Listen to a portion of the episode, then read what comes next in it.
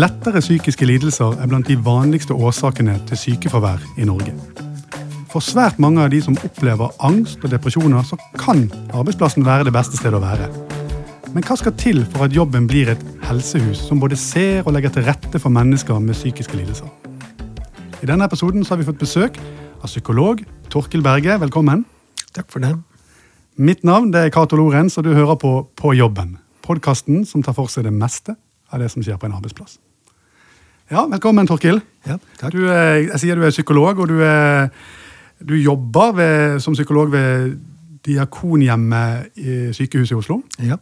Mm. Og Vi er veldig glad for å ha deg her i dag. fordi du er, I tillegg til å jobbe der, så er du også leder for Norsk forening for kognitiv terapi. Og, og du er forfatter. Du har skrevet bøker om, om dagens tema, psykisk helse. Om angst og depresjoner. ja, jeg har vært veldig opptatt av, av ja, mye selvhjelp. Jeg har skrevet selvhjelpsbøker for mennesker med angst og depresjon, men også med somatisk sykdom, smerte og utmattelse.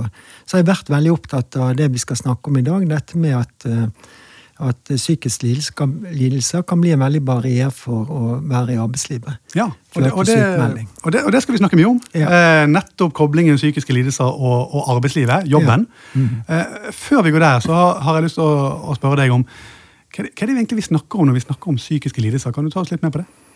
Ja, det, jeg tror det er best å egentlig tenke at du har fysiske lidelser. Diabetes, somatisk eh, sykdom, kreftsykdom. Og så har du psykiske lidelser. Og da er jo angst og depresjon de, de mest vanlige. Ganske stor del av befolkningen vil kunne oppleve det i løpet av livet. Hver tredje familie rammes. Ehm, Så har du også det vi kaller for alvorlige psykiske lidelser. Det er psykoselidelser, schizofreni, bipolar lidelse. Ehm, Derfor sier man gjerne lettere psykisk lidelser, men det er jo blytungt. Jeg må jo si det. Eh, Sånn at det å ha en depresjon er trolig kanskje den sykdommen av alle sykdommer muligens, iallfall forskerne sier det, som hemmer livskvaliteten mest. Så jeg liker kanskje bedre å kalle det vanlige psykiske lidelser, er mest presis fordi at det er, det er liksom omfanget som som, er, eh, som er noe av det aller viktigste. Og også en grunn til at Verdens helseorganisasjon nå har eh, faktisk plassert depresjon på toppen av lista av alle sykdommer, både fysiske lidelser og psykiske lidelser, som koster verdenssamfunnet mest. Ja, Det, det er interessant. Eh, vet vi hvem, hvem er det som rammes av dette? Ja, det er alle. Eh, Sånn at eh, Jeg tror de fleste av de som, som hører på dette, dette programmet, de, de har enten selv opplevd det, de er i familie med noen, de jobber med noen. Sånn at depresjon og angstlidelse er noe som, som er, er vanlig. og Derfor tror jeg det er veldig fint med den type, type programmer som du lager. og det At det står så mye i media om psykiske lidelser, fordi at det, det er bare superviktig med informasjon. Ja, og, eh, ja det tror jeg òg. Og, og nå skal vi snakke litt om hvordan man kan møte denne type utfordringer eller problematikk, eller hva man skal kalle det, eh, på, på, på arbeidsplassen, på jobben. Eh, For dette er jo, som jeg sa innledningsvis, en ganske stor del av, som er skyld i stor del av sykefraværet vi opplever. Og da, Ja. da er det også viktig å, å gripe fatt i det. Kan du eh, Ja, det, det, det er viktig også fordi at altså, de aller fleste mennesker, i og med at det er så utbredt, de, de aller fleste mennesker med angst og depresjon er faktisk i jobb. Sånn at eh, det, det er tross alt et mindretall av dem som er sykemeldt, sånn at de, de er på jobb med sine symptomer.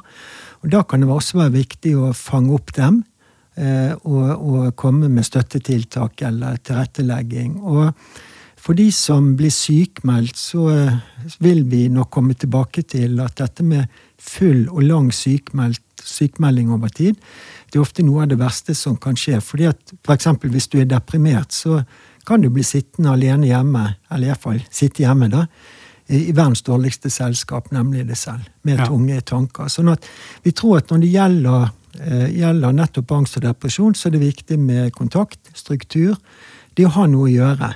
Sånn at du, du greier liksom ikke å hvile deg ut av en psykisk lidelse. Nei. Vanligvis. Nei, og, og som du sier, de, de aller fleste er på jobb eh, når de har disse utfordringene.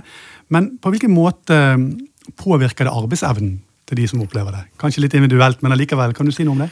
Ja, det, Her kan vi jo skille mellom angst og depresjon. Men hvis vi først har depresjon Det, det var en studie en, hva, en forsker som heter Kessler. Han er borte i Statene. Han lager sånne svære studier med tusenvis av mennesker. og Det var en studie med 25 000 mennesker, arbeidstakere, med ulike sykdommer. Og så så de på hvilke sykdommer er det som hemmer arbeidsfunksjonen mest.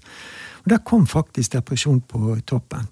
Og Det tror jeg handler om at eh, depresjon rammer hele mennesket. Rammer energi, selvtillit, selvfølelse.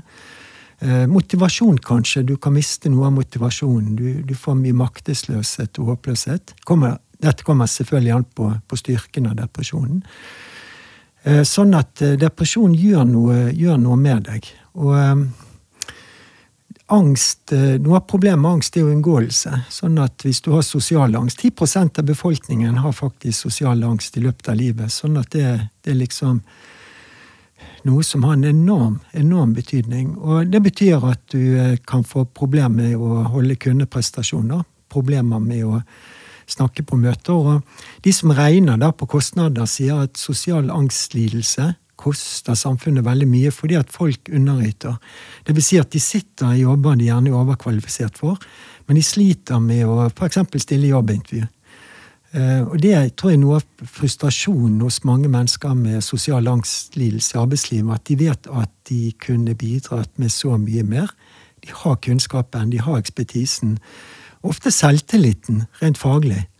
Eh, men så sliter de med dette med at de er redd for å fremstå som nervøse i sosiale situasjoner. Så sosial angstlidelse er bare utrolig viktig å, å eh, gripe fatt i hvis en oppdager at dette er noe en kollega eller andre sliter med, og så formidle at det er hjelp å få.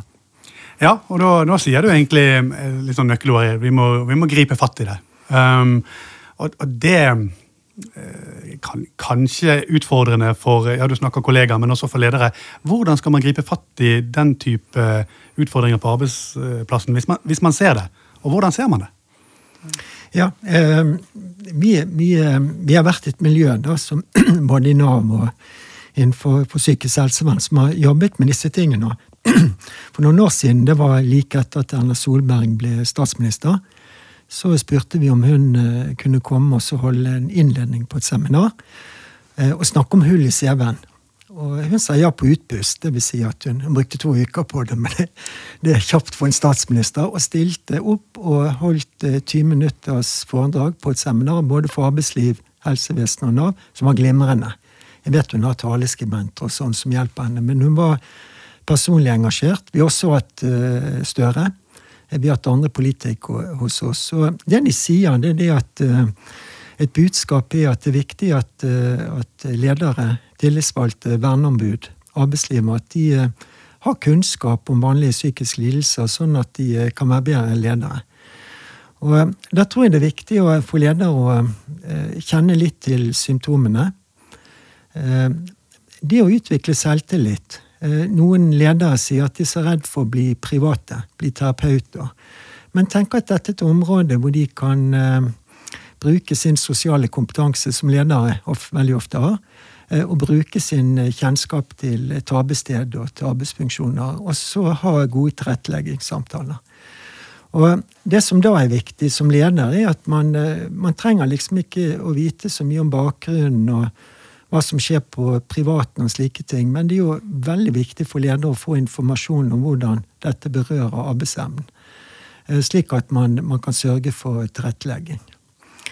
Eh, jeg har holdt en del kurs for ledere. Det har vært sånn Ses i morgen-kurs som, som, Nav har holdt. Jeg har også undervist på BI personlig problemløsning for, for ledere. og Også dette med å være leder og ivareta ansatte kom opp. og jeg opplever ofte en, en stor vilje blant ledere til å, til å, ta dette temaet på alvor og, og, og, og bli god til det.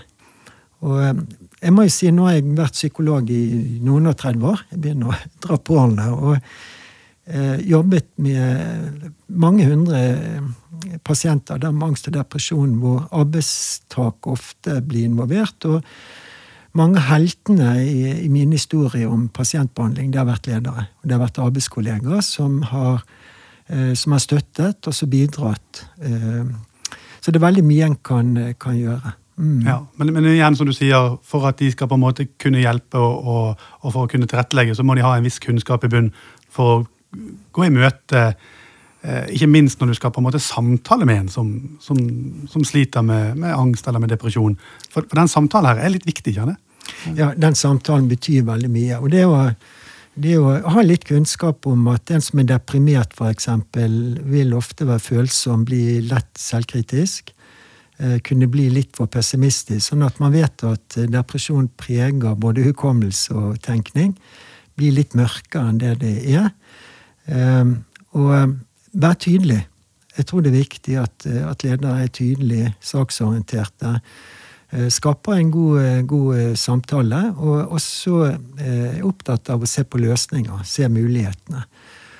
Det er viktig. Jeg har skrevet en liten mm. sånn guide da, som er i et informasjonshefte som er ut, utgitt av Idébanken Norge.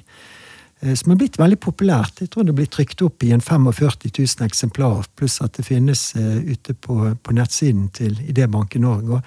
Og, der er det en del veldig konkrete råd om, om hvordan man kan uh, gå fram. Men jeg tror det aller viktigste budskapet er fra meg til ledere er at de, de, skal definere dette som en del av lederoppgavene.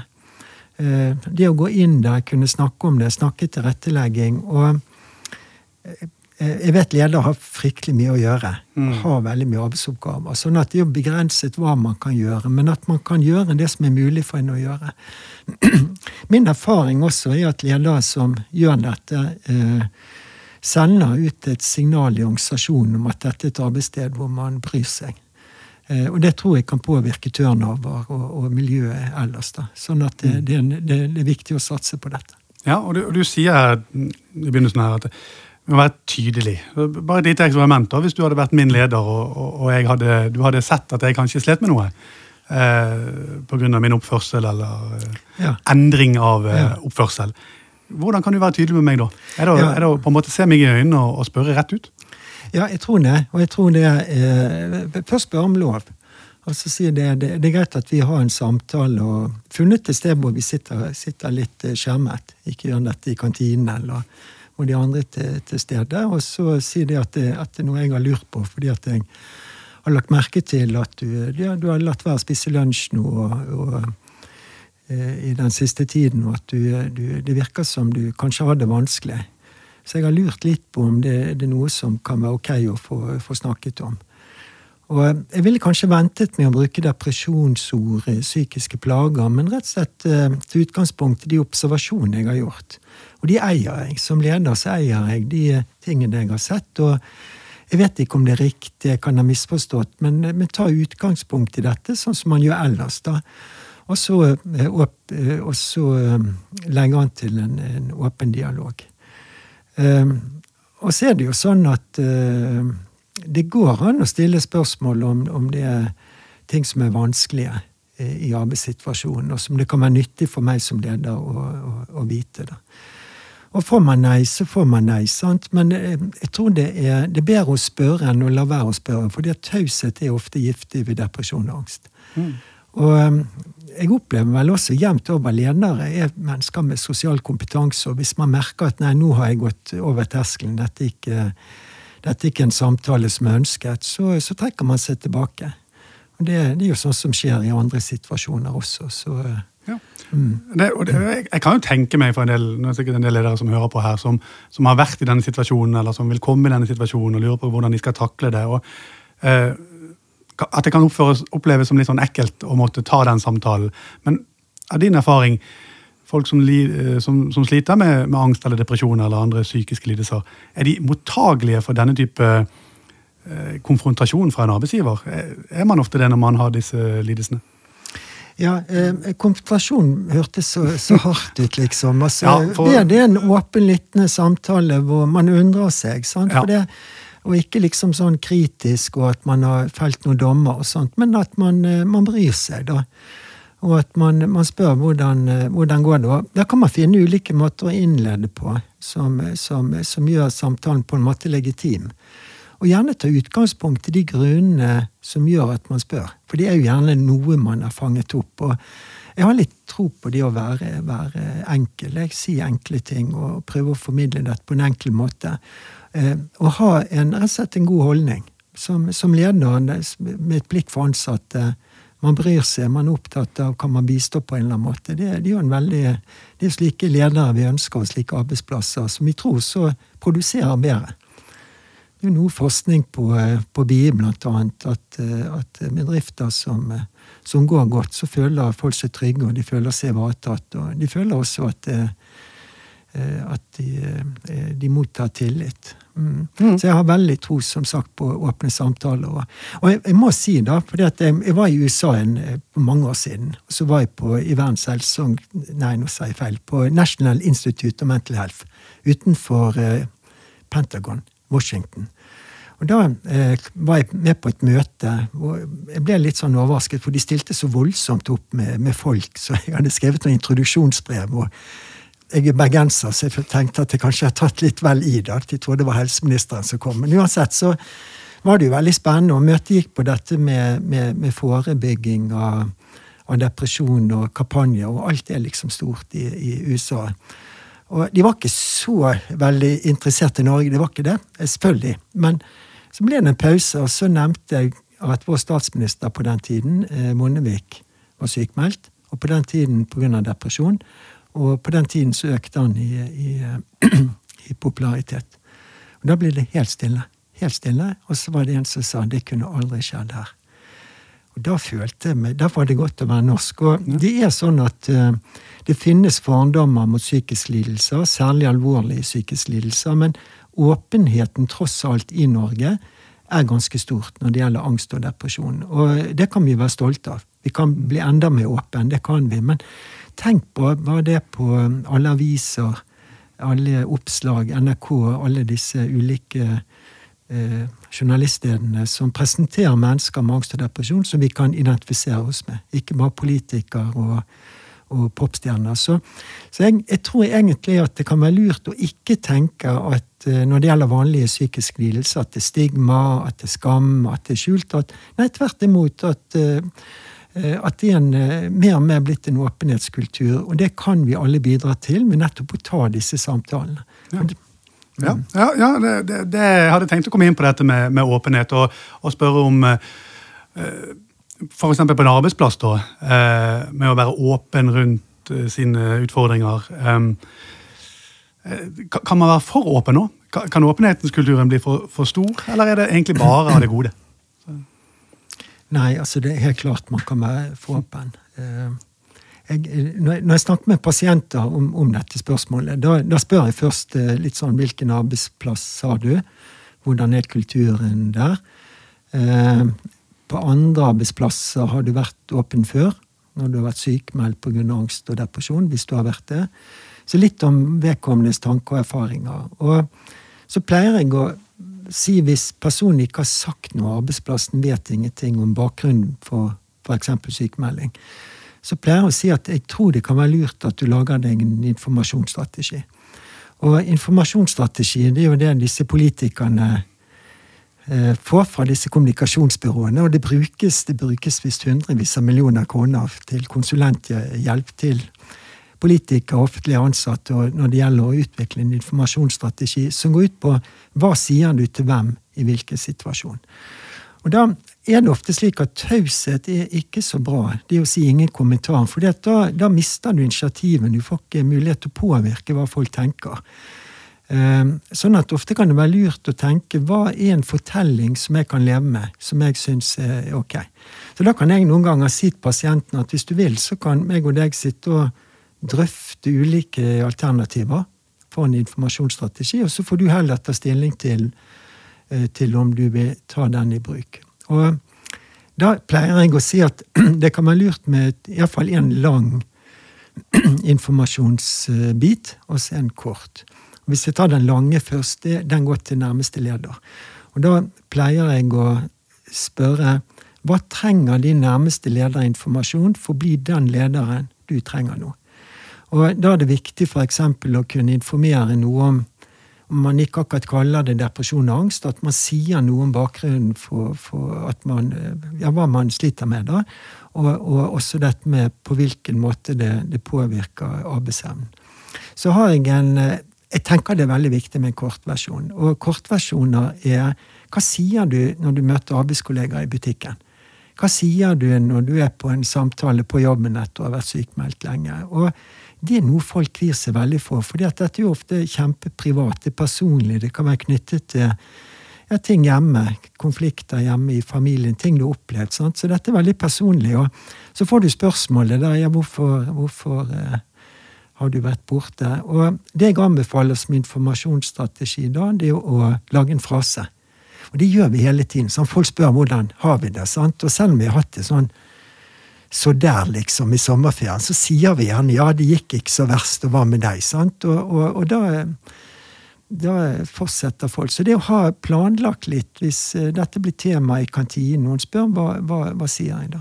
Jeg tror faktisk dette eh, dette er et stort problem for mange. At de, føler, de, de er litt sånn, eh, føler at de skal bli stilt den type spørsmål og ikke helt vet, vite hva man skal si, og, og kanskje reagere også følelsesmessig. Og vi, vi nordmenn er jo ofte litt sånn tilbakeholdne. Så, det, eh, så, dette kan føles veldig personlig. Ok. Ehm, så eh, Jeg snakket nettopp med, med en pasient som brukte det vi kaller for ambassadører. Og Da var det slik at vedkommende hadde en blanding av depresjon og så mye utmattelse. Hadde hatt eh, kreftsykdom. Var veldig plaget av, det. Og da var det slik at, at hun var for så vidt åpen, da, men hun ville helst ikke gå rundt og hele tiden snakke om det. Sant? Fordi at det, det, er slitsomt. Og, så hun snakket med noen fortrolige da, som brakte på en måte budskapet videre og var ambassadører. Så det er en annen måte å, å, å tenke på. Ja. Det, det, det, er mye gode råd her. Og, ja. og, det, er litt interessant, for Vi snakker litt om hvordan leder kan gå i møte dette. At de skal være tydelige, se på løsninger. Og så snakker vi om informasjonsstrategiene til den enkelte, som er en veldig god tanke og en god idé. Og så, og så, er vi inne på kollegene, da, som, som, har en viktig rolle i dette på en arbeidsplass. fordi det er de som på en måte er sammen med, med, vedkommende som sliter hele tiden, og som er rundt de, og som lurer og som undrer. Bør de òg ha en, noen tanker om hvordan de bør være som kollegaer til de som sitter? Har du noen, hvordan bør man være som kollega? Ja, jeg, altså, jeg, jeg tenker I og med at dette er vanlige psykiske lidelser, så eh, og vi tenker at dette berører livskvaliteten i befolkningen. Eh, så jeg, jeg, tror egentlig at vi alle skal tenke at, eh, at, vi bør ha en slags type holdning, hver og en av oss, om hvordan vi møter eh, deprimerte uh, naboer, familiemedlemmer, kollegaer. Sånn at vi har litt informasjon, og at vi representerer en, et tolerant samfunn. En åpenhet for, for, for at, at, vi alle vet at det er perioder som er tunge. Det gjelder, tror jeg, alle mennesker og at man kan få psykiske reaksjoner. Sånn at det, For meg handler det litt om å, å, å ta ansvar som liksom borger i et, i et samfunn. Da. Og eh, ja, men, men, det lurer også ja. på. Jeg, liksom, jeg, prøver liksom å se meg sjøl i et arbeidssituasjon nå der jeg, der jeg har en kollega som, som, jeg vet eller mistenker for har utfordringer. Skal jeg da som kollega være spørrende? Skal jeg, skal jeg bry meg på den måten med å, med å snakke direkte som kollega? Eller skal man på en måte bare anerkjenne med å være litt uh, i ro eller de får distanse? Det, det, er ganske sånn vanskelig balanse for en kollega òg. Kjempevanskelig. Og vi har liksom ikke noe oppskrift for hvordan gjøre dette. Og eh, det kommer jo veldig an på hvor godt du kjenner vedkommende. Altså nå, I vårt samfunn så er det jo ofte sånn at våre nærmeste venner er arbeidskollegaene. Sånn at eh, jobb betyr veldig mye. Vi bruker mye tid på jobben. og Eh, sånn at Hvis du opplever at dette er en medarbeider, da, en kollega som du, som du, har hatt mye kontakt med, og som du kjenner, kanskje du har gjort ting på fritiden, og sånn, så er det selvfølgelig mye lettere å om ikke akkurat liksom spørre er du deprimert. Det blir så voldsomt. Vi pleier ikke å snakke sånn til hverandre. liksom sånn, det blir, blir sånn, Men, men uh, mer, uh, mer ha en litt sånn litt åpne spørsmål, og hvordan går det? Ja. Og, og jeg, jeg, har veldig tro på det. Men jeg har lyst til å si en ting. For det er klart jeg blir veldig positiv da, når jeg snakker om dette med arbeidsliv, og åpenhetskultur, at vi alle kan bidra. og det er klart, eh, Jeg snakker jo med noen pasienter som jobber på arbeidsplasser hvor, hvor det er rett og slett farlig å, å, snakke om angst og depresjon. Fordi at det er en prestasjonskultur. Det er ofte en, eh, kan være en frikultur. For det finnes dårlige arbeidsplasser, og det finnes dårlige ledere. og og da, da, kan det være viktig å beskytte seg eh, ved å si, ofte si, si minst, minst, mulig. Så jeg har alltid tenkt at dette er et veldig, veldig eh, eh, personlig valg som den enkelte må ta.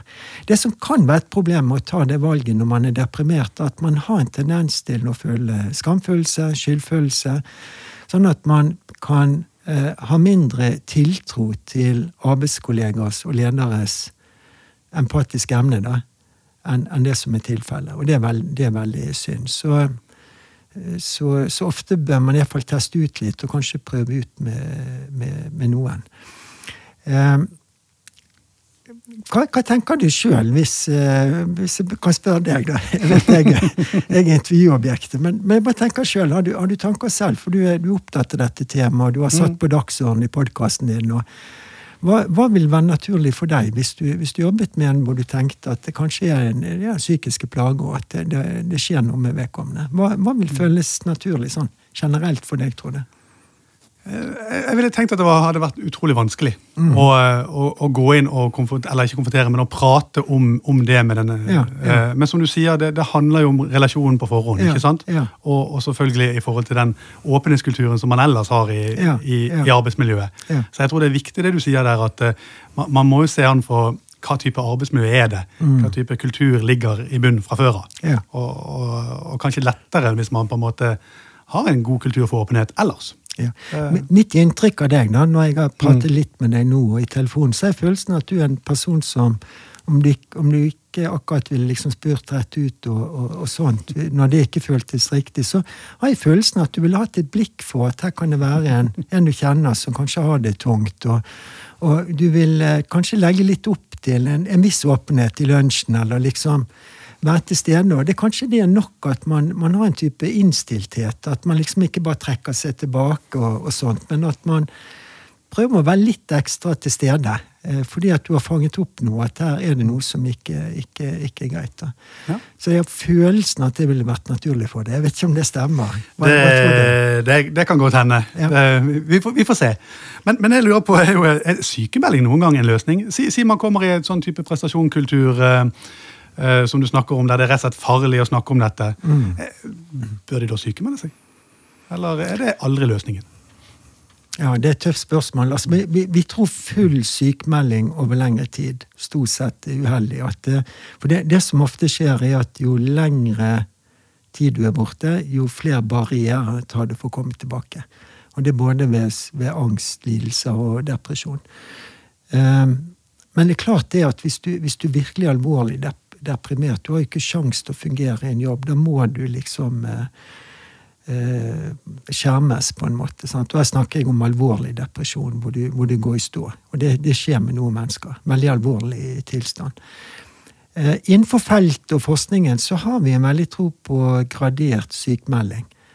Fordi at eh, Hvis du tenker på sykmelding som en form for behandlingstiltak, Eh, og da vet vi om alle behandlingstiltak at du har virkninger, og så har du bivirkninger. Og Det gjelder både medikamentell behandling og psykoterapi. kan være bivirkninger. Uheldige. Og Det tror jeg er viktig å, å stille spørsmål ved, ved sykemelding. Hva, hva, er bivirkningene? Og Da nevnte jeg én ting, at du mister kontakt med mennesker, du får mindre å gjøre, blir sittende og gruble ofte. Mister vanemønstre. Det er ofte disse vanene som holder oss i gang da, når livet er vanskelig. Så hva er bivirkningene? Og så da, eh, hva blir du sykmeldt til? Hva, hva, er på en måte helbredende legene til det du, du, kommer til? Og Da tenker vi at gradert sykmelding har mindre bivirkninger. Fordi at da opprettholder du kontakt med arbeidsstedet. Eh, det er lettere å få til eh, tilrettelegging. Samtidig som du blir skjermet for arbeidsoppgaver. Sånn at du, du, du, du får redusert arbeidspresset. Da.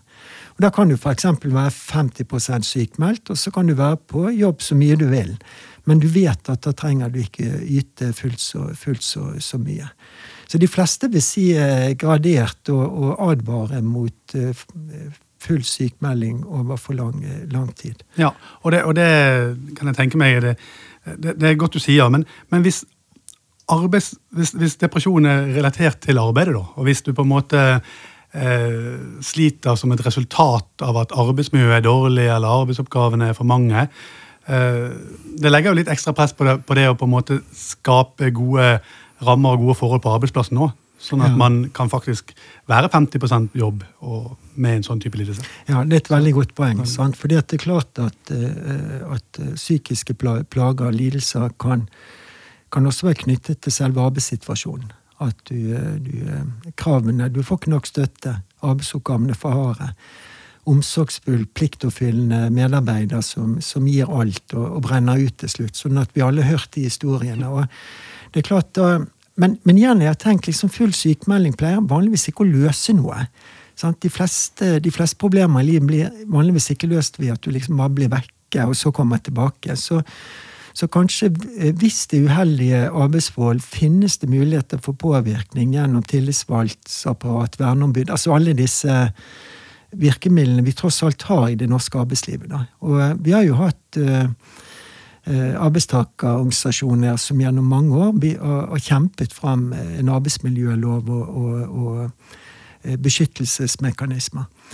Det jeg noen ganger sier til, til en som har vært eh, deprimert og vært sykmeldt, og som prøver å jobbe seg tilbake, at uh, kanskje du kan tenke sånn at du, du, du gradvis da kommer tilbake og uh, tenker etter hvert på om du kanskje skal skifte jobb.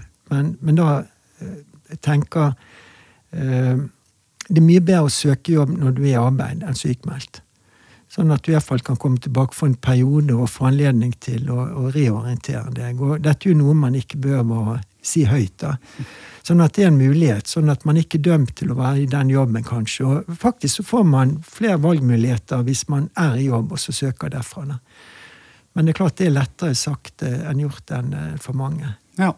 Eh, Jeg har lyst til å bare ta en, en liten ting før vi begynner å nærme oss slutten av denne episoden. Men, men du, du sa tidligvis en leder da, som gjerne lytter på, som, som tar opp denne problematikken med en som sliter, som har utfordringer. Han eller hun er tydelig, eh, begynner å prate om løsninger. Eh, og løsningen er ofte en eller annen form for tilrettelegging. Eh, kan du si noe om hvordan man best tilrettelegger for mennesker med denne type utfordringer? Er det, er det, er det et, ett eller to eller tre svar på det? Jeg måtte ta betenkningstid, det må jeg si, for det er et svært spørsmål. Og, eh, Individuelt, selvfølgelig. Ja, du kjempeindividuelt, Ja. og også knyttet, men, i det hele tatt å få, få, få inn den samtalen. Og, og Lena pleier å kjenne arbeidsplassen godt, kjenne arbeidsoppgavene. Og det gjør selvfølgelig den ansatte, sånn at man får en dialog om eh, Kan det være lett å få inn en, eh, noe, en, en mentor? Kan det være beslutningsstøtte i en periode? fordi at når man er deprimert, da, så, så sliter man ofte med å, å ta beslutninger. Man begynner å tvile på egen dømmekraft. Så det å få beslutningsstøtte kan være noe. Det å rett og slett spørre, intervjue eh, medarbeideren som leder, da, så spørre hva, hva syns du at du får til? Hva gruer du deg minst for? Eh, Hvilke arbeidsoppgaver? Hvem liker du å jobbe sammen med? Hvem syns du er ekstra vanskelig å jobbe sammen med? Litt tøft spørsmål, men kan være viktig, fordi at en, eh, at en ser litt på, på, på virkemidler også når det gjelder, gjelder andre medarbeidere på, på jobben. da. Eh, Og prøve å tenke mest mulig konkret eh, problem, problemløsning, sånn som man gjør ellers. da. For dette er jo noe man, man egentlig gjør, gjør daglig. Så jeg tror det er viktig å, å tenke eh, hvor lenge skal dette vare? Hvordan skal vi evaluere det? Det, det kan føles med tilrettelegging, så kan det føles litt ydmykende. Og ikke minst hvis man er deprimert, har sosial angst. Sånn at man selvkritikken kommer kraftig inn. Sånn at det kan være veldig viktig som leder å tenke hvilke oppgaver støtter selvfølelsen. Hvilke oppgaver gjør at du føler at du duger, at du er kompetent. at du... eh, Sånn at man, man bare passer på liksom ikke bare dempe arbeidsoppgavene, men at man beholder arbeidsoppgaver som styrker selvfølelsen. Og jeg tror nettopp at jobben for, for de fleste av oss er et veldig viktig eh, sted for vår identitet og selvfølelse. Jobb betyr veldig mye for mange, mange mennesker. Sånn at man, eh, man eh, eh, det er som leder at man prøver å komponere en, en arbeidssituasjon som er realistisk, som er mulig, men som også er verdighetsskapende. Ja. Er veldig viktig. Gode råd der. Takk skal du ha. Og tusen takk for at du tok deg tid til å være med oss i dag, Torkil Berge. Mitt navn er Cato Lorentz, og med meg som produsent har jeg hatt Eivind Påsin. På jobben er tilbake om noen uker. Vi høres.